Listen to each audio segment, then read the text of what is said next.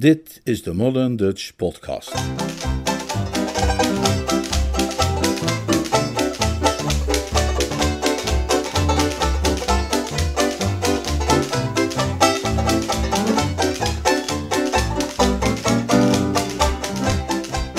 Een man van eer. Een Jeeves-roman van P.G. Woodhouse, The Code of the Woosters. Vertaald en voorgelezen door Leonard Beuger. There she is, there she is, there's what keeps me up at night. Oh gee whiz, oh gee whiz, there's why I can't eat a bite. Those flaming eyes, that flaming youth. Oh mister, oh sister, tell me the truth. Cause when I'm paddling, paddling home. Gee, when I'm paddling, paddling Hoofdstuk home. 14b. Op de avond dat ik vrijkom, verwacht ik natuurlijk wel een diner dat zal voortleven in balladen en legenden. Dat zul je krijgen. Misschien kunnen we daar nu vast wat ideetjes voor bij elkaar zetten. Ik zou geen beter moment weten. Beginnen we met een caviar of met meloen? Caviar en meloen, gevolgd door een versterkend soepje. Helder of gebonden? Helder. Je bent toch niet Anatols velouté of fleur de courgette vergeten? Geen ogenblik. Maar wat zegt u van zijn eh, consommé au pomme d'amour? Hmm, misschien heb je gelijk. Ik dacht het wel. Ja, nee, ik, ik weet het, ik weet het wel zeker. Ik laat het opstellen van het menu, maar liever aan jou over. Dat is waarschijnlijk het verstandigste. Ik nam pen en papier en een minuut of tien later kon ik haar het resultaat overhandigen. Dit is, zei ik, afhankelijk van eventuele verandering die ik nog zou kunnen aanbrengen tijdens mijn verblijf in de cel, het menu zoals ik mij dat voorstel. En ik las het volgende voor: Le dîner, caviar frais, cantaloupe, consommé aux pommes d'amour, sylphide à la crème d'écrivisse, mignonnette de poulet petit duc, point d'asperges à la mestinguet, suprême de foie gras au champagne, neige aux perles des Alpes, timbale de riz de veau toulousaine, salade d'endive et de céleri, le plume pudding, l'étoile auberger, bénédictin blanc, bombe Nero, friandise, diablotin, fruit. Dat is het toch wel zo ongeveer, niet, tante? Ja, ik geloof niet dat je veel hebt overgeslagen. Goed, laat hem dan nu maar binnenkomen. We zullen hem tarten. Basset! Basset! riep tante Dalia. Basset! bulderde ik dat het zwerk ervan rinkelde. Het rinkelde nog steeds toen hij opdook, zijn gezicht op zwaar weer. Maar hoe maken jullie zo'n liederlijk lawaai als je me roept? Ah, Basset, ben je daar? Ik verspilde geen tijd en kwam dadelijk ter zake. Basset, wij tarten jou. Dat bracht hem kennelijk van zijn stuk. Hij wierp een vragende blik in de richting van tante Dalia. Hij had klaarblijkelijk het gevoel dat Bertram in raadselen sprak. Waar hij het over heeft, legde mijn geachte familielid uit, is dat idiote aanbod van jou om je aanklacht in te trekken in ruil voor Anatole. Dat is het waanzinnigste idee dat ik ooit heb gehoord. We hebben er samen hartelijk om gelachen, toch, Bertie? Gebulkt hebben we. Hij keek stom verbaasd. Wilt u zeggen dat u mijn aanbod niet aanneemt? Natuurlijk nemen wij dat niet aan. Ik had direct moeten beseffen dat mijn neef er niet over zou piekeren om droefenis en leed te brengen over het huis van een tante, ten einde zichzelf iets onaangenaams te besparen. Zo zijn de woesters niet, of wel, Bertie? Om de drommel niet. De woesters denken niet in de eerste plaats aan zichzelf. Nooit. Ik had hem nooit mogen beledigen door uw voorstel zelfs maar tegen hem te noemen. Ik bied je mijn verontschuldigingen aan, Bertie. Dat zit wel goed, eh, mijn brave vlees en bloed. Ze drukte mij de hand. Goeienacht, Bertie. En vaarwel, of liever au revoir. Wij zien elkaar terug. Absoluut. Als eens de Betuwe in bloei weer staat, zo niet eerder. Tussen haakjes. Ben jij de Nonna de la Méditerranée of Fenouille niet vergeten? Dat is waar. En, ook de Cel d'Agneau au laitue à la grecque. Ah, zet die alsjeblieft ook nog op de waslijst, wilt u? Haar vertrek, waarbij ze mij over haar schouder een smeltende blik van bewondering en respect toewierp, terwijl ze over de drempel stevende, werd gevolgd door een korte en mijnerzijds laatdunkende stilte. Na een tijdje nam pa Bassett met geforceerde en hatelijke stem het woord. Tja, meneer Woestijn, het ziet er naar uit dat u alsnog zult moeten boeten voor uw dwaasheid. Inderdaad. Dan wil ik u allereerst zeggen dat ik van mening veranderd ben voor wat betreft uw verblijf deze nacht hier onder mijn dak. U zult bij nader inzien toch naar het politiebureau worden gebracht. Een beetje rancuneus, Bassett? Allerminst. Maar ik zie niet in waarom agent Oates van zijn welverdiende nachtrust beroofd zou moeten worden, alleen omwille van uw comfort. Ik zal hem even laten roepen. Hij deed de deur open. Hé, hey, jij daar! Het was een uiterst onbehoorlijke manier om Jeeves aan te spreken, maar de trouwe bediende liet niets van ontstemming merken. Ja. Op het gazon daarbuiten zul je agent Oates aantreffen. Breng hem eens even hier. Uitstekend, ja. Ik meen dat de heer Spood u wenst te spreken. Hè? De heer Spood, nee. Hij nadert op dit moment door de gang. Pa Bassett stapte mijn kamer weer binnen. Hij keek nogal verstoord. Ik wou dat Roderick me niet kwam lastigvallen op een ogenblik als dit, mopperde hij. Ik heb geen idee wat hij nu weer van me wil. Ik lachte geamuseerd. Het ironische van de situatie sprak me wel aan.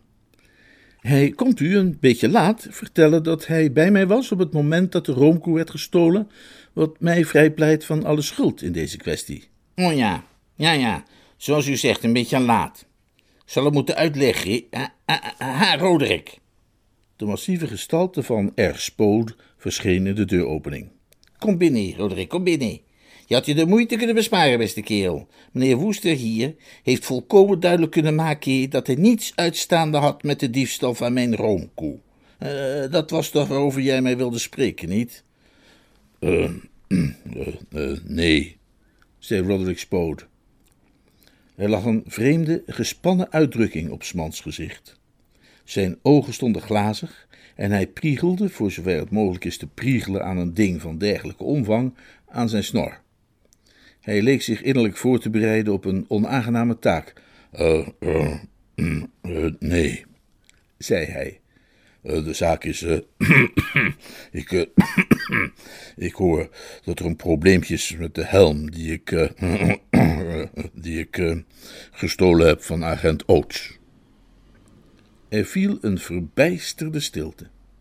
Pa Bassett gaapte de man aan. Ik gaapte hem aan. En Roderick Spode priegelde nog altijd aan zijn snor. Nou, dat, dat was natuurlijk ontzettend onnozel om zoiets te doen. Dat zie ik nu ook wel. Ik, ik, ik gaf toe aan een onbeheersbare impuls. Zoals een mens dat af en toe doet, nietwaar? Uh, je weet nog wel uh, dat ik heb verteld dat ik vroeger in Oxford ook eens een politiehelm heb gejat. Hè? Ik hoopte het stil te kunnen houden, maar Woesters bediende zei me dat jij het idee had dat uh, Woester het had gedaan. Dus nu moest ik er natuurlijk mee voor de draad komen. Maar, maar, maar goed, dan, dat weet je dan nu. Hè? Ik, ik denk dat ik dan nu maar eens naar bed ga, zei Roderick Spoot. Wel te rusten. Hij rukte in en de verbijsterde stilte trad opnieuw in werking.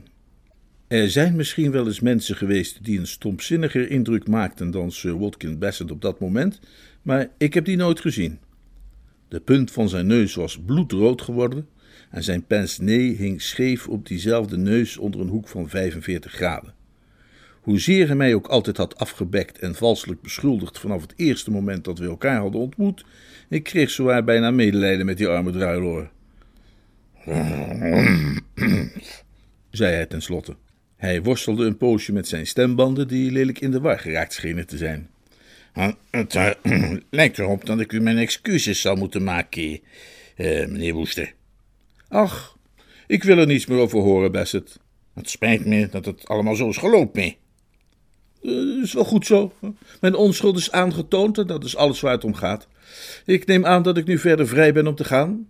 Oh, maar natuurlijk. Natuurlijk. Goedenavond, meneer, meneer Woester. Goedenavond, Bassett. Ik hoef je waarschijnlijk niet te vertellen, denk ik zo, dat ik hoop dat dit alles een goede les voor je is geweest. Met een afstandelijk knikje stuurde ik hem de deur uit. Zelf bleef ik in gedachten verzonken achter. Ik begreep eigenlijk niets van wat er gebeurd was. Ik kon er geen touw aan vastknopen. Zelfs de beproefde Oates-methode, zoek het motief, leverde wat mij betreft geen resultaat. Ik kon hoogstens veronderstellen dat opnieuw de geest van Sidney Carton was opgedoken. Totdat mij plotseling een verblindend licht leek op te gaan. Jezus! Nee, Zit jij hierachter? nee. Houd op met dat commentaar. Je weet best waar ik het over heb. Heb jij Spoot zo gek gekregen dat hij de zondebok wilde spelen? Ik wil niet beweren dat hij glimlachte, want dat doet hij vrijwel nooit. Maar er leek even een lichte spiertrilling rond de mondhoeken zichtbaar te worden. ben zo vrij geweest de heer Spood erop te wijzen dat het een bijzonder ridderlijke daad zijnerzijds zou wezen wanneer hij de schuld op zich zou willen nemen, meneer. Mijn stelling daarbij was dat hij u grote onaangenaamheden kon besparen zonder daarbij zelf enig risico te lopen. Ik herinnerde hem eraan dat Sir Watkin, omdat hij verloofd is met Spoods tante, hem stellig geen straf zou opleggen zoals hij van plan was u te doen. Men stuurt geen heren naar de gevangenis met wier tante men is verloofd. Eh, Volkomen juist, Jeeves. Maar toch snap ik het nog niet. Be- Bedoel je nu dat hij daar zomaar ja op zei, zonder te sputteren? Niet werkelijk zonder tegenspraak, meneer. Aanvankelijk, moet ik toegeven, betoonde hij een zekere onwilligheid. Zijn uiteindelijke besluit werd wellicht mede ingegeven door het feit dat ik hem erop wees dat eh, mij alles bekend was omtrent. Eulalia! Ja, meneer. Ik werd overvallen door de heftige behoefte om te weten hoe het nu precies zat met dat Eulalia-gedoe. Jeeves, je moet het me vertellen. Wat heeft Spoot nu eigenlijk met dat meisje uitgehaald? He- heeft hij haar vermoord? Staat mij niet vrij u daarover in te lichten, meneer. Kom op, Jeeves. Spijt me, meneer. Ik gaf het op. Oh, nou ja. Ik begon mij van mijn kleding te ontdoen, hees mee in mijn pyjama en ik kroop in bed. Daar de lakens nog altijd onontwaarbaar verknoopt waren, zou ik het moeten doen met enkel de dekens, maar één nacht hield ik dat wel uit. De snelle opeenvolging van gebeurtenissen zette mij aan het peinzen. Ik ging rechtop zitten tussen de dekens en sloeg mijn armen om mijn knieën om nog eens goed na te denken over de recente wisselingen van het lot. Het leven is vreemd, Jeeves. Bijzonder vreemd, meneer. Je weet met het leven gewoon nooit waar je aan toe bent, hè? Om een eenvoudig voorbeeld te geven. Een half uurtje geleden had ik echt niet durven denken dat ik hier nu zou zitten, zomaar in mijn zorgeloze pyjama, met jou aan het pakken voor ons vertrek. Er leek zich een veel somberder toekomst voor mij af te tekenen. Zeker, meneer. Het voelde als het ware alsof er een, een, een vloek over mij lag. Inderdaad, als het ware, meneer. Maar nu zijn alle problemen, zou je kunnen zeggen, opgelost als dinges voor de, hoe heet het, hè? Dankzij jou. Het doet me genoegen van dienst te hebben kunnen zijn, meneer. Je hebt het weer voor elkaar gekregen als zelden tevoren. Maar er blijft toch altijd nog wat roet achter in het eten, Jeeves? Ja, Ja, ik, ik wou dat jij niet de hele tijd meneer zei. Eh, Wat ik bedoel, Jeeves, is dat er verliefde harten hier in huis zijn uiteengerukt en dat die op dit moment nog altijd uiteengerukt zijn. Voor mij mag dan alles in orde zijn, en, en dat is het ook. Maar voor Gussie is niet alles in orde. En, en voor Stiffy ook niet. Dat is de adder onder het gras. ja, meneer. Hoewel, dat zeg ik nou zo, maar ik heb eigenlijk nooit begrepen wat er mis is als zo'n adder onder het gras blijft. hè. Je zou toch zeggen, het wordt pas link als hij er bovenuit komt. Maar, nou ja, goed. Vroeg mij af, meneer. Ja, Jeeves. Ik was eigenlijk alleen nieuwsgierig of u van plan bent een aanklacht in te dienen tegen Sir Watkin Bassett wegens smaad en onrechtmatige vrijheidsberoving. Oh, dat, dat, daar had ik nog niet aan gedacht. Denk je dat zo'n klacht ontvankelijk zou worden geacht? Daar twijfel ik niet aan, meneer. Zowel mevrouw Travers als ik zouden afdoende getuigenis kunnen aandragen. U verkeert ongetwijfeld in een geschikte positie om een aanzienlijke schadevergoeding van Sir Watkin te eisen. Ja, daar zul je wel gelijk in hebben. Daarom was hij natuurlijk meteen zo van de kaart toen Spoot zijn verhaaltje kwam vertellen. Ja, meneer. Hij zal met zijn langjarige juridische achtergrond die dreiging ongetwijfeld hebben voorzien. Ik geloof niet dat ik ooit iemand zo heftig heb zien kleuren. Vooral zijn neus. Jij? Nee, meneer. Maar toch zou ik hem eigenlijk niet verder lastig willen vallen. Het lijkt me nu ook weer niet nodig om het zout nog dieper in de wond te wrijven. Het was enkel mijn overweging, meneer. dat wanneer u met een aanklacht zou dreigen, Sir Watkin om verdere onaangenaamheden te vermijden, wellicht zijn standpunt zou kunnen aanpassen met betrekking tot de voorgenomen huwelijken van mevrouw Bassett en de heer Finknottel, zowel als mevrouw Bing en de eerwaarde heer Pinker, meneer. Sakkerloot, Jeeves. Hem een beetje de duimschroeven aandraaien, bedoel je? Precies, meneer. Dat zullen we meteen even doen. Ik sprong uit bed en haastte me naar de deur. Bassett! schreeuwde ik. Er kwam geen onmiddellijk antwoord. De man hield zich waarschijnlijk ergens verborgen. Maar nadat ik hem een paar minuten lang had gekweld met een telkens luider geroep van Bassett, hoorde ik hem toch vanuit de verte aankomen trippelen. En ja hoor, daar was hij.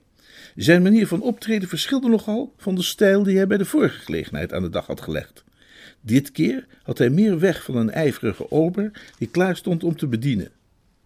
Ja, meneer Woester. Ik ging hem voor, mijn kamer in, en schoot zelf weer snel onder de dekens.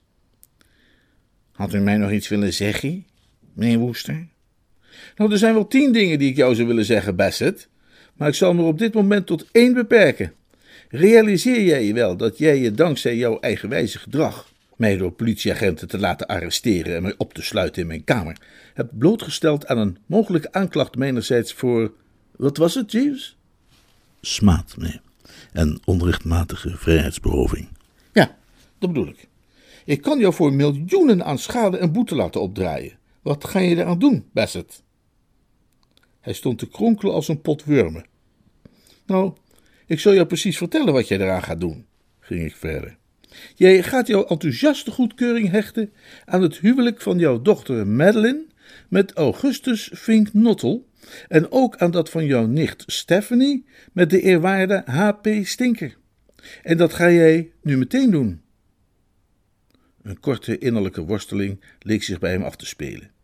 Die had misschien langer geduurd als niet mijn blik hem had getroffen. Uitstekend, meneer Woester. En wat die roomkoe betreft, het is hoogstwaarschijnlijk dat hij ontvreemd is door een internationale bende die hem vrijwel zeker zal verkopen aan mijn oom Tom. Via hun uitgebreide ondergrondse informatienetwerk zullen ze er zeker van op de hoogte zijn dat hij een potentiële afnemer is. Maar geen kik van jou, Bassett, als jij op een of ander moment in de toekomst mocht bemerken dat die roomkoe in zijn collectie is terechtgekomen. Begrepen? Uitstekend, meneer Woester. En dan nog iets. Ik krijg vijf pond van je. Neem mij niet kwalijk. Die vijf pond die je me ontfutseld hebt in Bosher Street, die wil ik graag terug voordat ik hier wegga. Ik zal morgenochtend een cheque voor u uitschrijven. Die verwacht ik dan bij mijn ontbijt. Wel te rusten, Bassett. Wel te rusten, meneer Woester. Is dat cognac die ik daar zie staan? Dan zou ik graag een glaasje van nuttigie, alstublieft. Jeeves, een borrel voor Sir Watkin Bassett. Uitstekend, meneer. Hij sloeg zijn glas dankbaar achterover en wankelde heen. Waarschijnlijk best een aardige kerel als je hem leerde kennen. Jeeves verbrak de stilte. Ik ben klaar met te pakken, meneer. Mooi. Dan denk ik dat ik nu maar eens ga slapen. Zet nog even het raam open, wil je, Jeeves? Uitstekend, meneer. Wat is het voor weer? Onbestendig, meneer. Het regent vrij hevig. Ik hoorde iemand zachtjes niezen. Hela, wat is dat, Jeeves? Is daar buiten iemand? Agent Oates, meneer. Staat hij daar nog altijd op wacht? Ja, meneer. Ik vrees dat Sir Watkin zo druk bezig was met andere zaken, dat het hem ontschoten is agent Oates te laten weten dat zijn aanwezigheid niet langer is vereist. Ik zuchtte tevreden. Ik had niets beters kunnen verzinnen om deze dag mee af te sluiten. Gedachte aan agent Oates, die daar beneden in de regen in verwarring rondliep als de benden van Midian, terwijl hij knus onder de wol zijn rozige tenen had kunnen liggen koesteren tegen zijn warm waterkruik, gaf mij een wonderlijk gelukzalig gevoel. Dit is het einde van een volmaakte dag, Jeeves. Uh, wat zeg jij toch ook altijd weer over leeuwerikken? Nee, Ja, over leeuwerikken en, en slakken, geloof ik. ah juist, meneer. Nieuw is het voorjaar en nieuw is de dag. De zon drijft de nevel van het fonkelend meer. Ja, maar, maar die leeuwerikken en die slakken, ik, ik, ik weet zeker dat die erin voorkwamen. Daar kom ik zo dadelijk aan toe, meneer. De leeuwerik zo hoog daar, de slak op zijn plag. precies, dat is het. En wat was ook alweer eh, de clue, zeg maar? God in zijn hemel kijkt tevreden op ons neer. Dat is het in een notendop. Ja, ik zou het zelf niet beter hebben kunnen zeggen. Eh, eh, En toch is er nog één dingetje, Jeeves. Ik zou wel erg graag willen dat je mij het fijne kon vertellen eh, over die Eulalia. Ik ben bang, meneer. Ik zou het absoluut voor me houden, hoor. Je kent me toch? Ik, ik zwijg als het graf. De regels van de Junior Ganymede Club zijn buitengewoon streng, meneer. Ja, dat weet ik, maar jij kunt toch wel een beetje een uitzondering maken? Spijt me ontzettend, meneer. Ik nam een belangrijk besluit. Jeeves, zei ik, verklap mij het geheim, dan ga ik met jou op die cruise rond de wereld. Hij stond een ogenblik in dubio. Tja.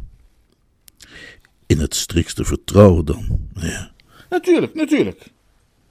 De heer Spode ontwerpt dameslingerie, meneer. Hij bezit een aanzienlijk talent op dat gebied en houdt zich daar in alle stilte al sinds jaren mee bezig. Hij is de oprichter en eigenaar van een gespecialiseerde winkel in Bond Street met de naam Eulalia et Sœur. Dat meen je niet. Toch wel, meneer. Goeie hemel, Jeeves. Geen wonder dat hij dat ten koste van alles geheim wil houden. Inderdaad, meneer. Wanneer dit bekend werd, zou het zijn gezag onder zijn aanhangers ongetwijfeld volstrekt ondermijnen. Ja, je kunt niet tegelijkertijd een succesvol dictator zijn en een ontwerper van pikanterieën voor dames. Nee, meneer. Het is het een of het ander, hè? niet allebei. Precies, meneer. Ik dacht even na. Goed. Het was het waard, Jeeves. Ik had geen oog dicht kunnen doen zolang ik niet wist hoe het zat. En misschien is die cruise ook helemaal zo gruwelijk niet. Wat denk je? De meeste heren vinden er genoeg in, meneer. Oh ja? Ja, meneer. Men ziet nieuwe gezichten. Nou, dat is waar. Daar had ik nog niet aan gedacht. Hm. Nieuwe gezichten, dat is zo. Duizenden en duizenden, maar niet dat van Stiffy. Precies, meneer. Oké, haal morgen meteen maar de kaartjes. Daar heb ik reeds voor gezorgd, meneer. Wel te rusten, meneer. De deur sloot zich achter hem. Ik deed het licht uit. Een poosje lag ik te luisteren naar de afgemeten passen van agent Oates daar beneden en te denken aan Gussie en Madeline Bassett en Stiffy en die brave Pinker de Stinker en de herwonnen picobelloheid van hun respectievelijke liefdeslevens. En ik dacht aan oom Tom, die nu eindelijk zijn roomkoe overhandigd zou krijgen, en aan tante Dalia, die van het psychologisch geëigende moment gebruik zou maken om hem een vette cheque te ontfutselen voor Milady's boudoir. Jeeves had gelijk, concludeerde ik.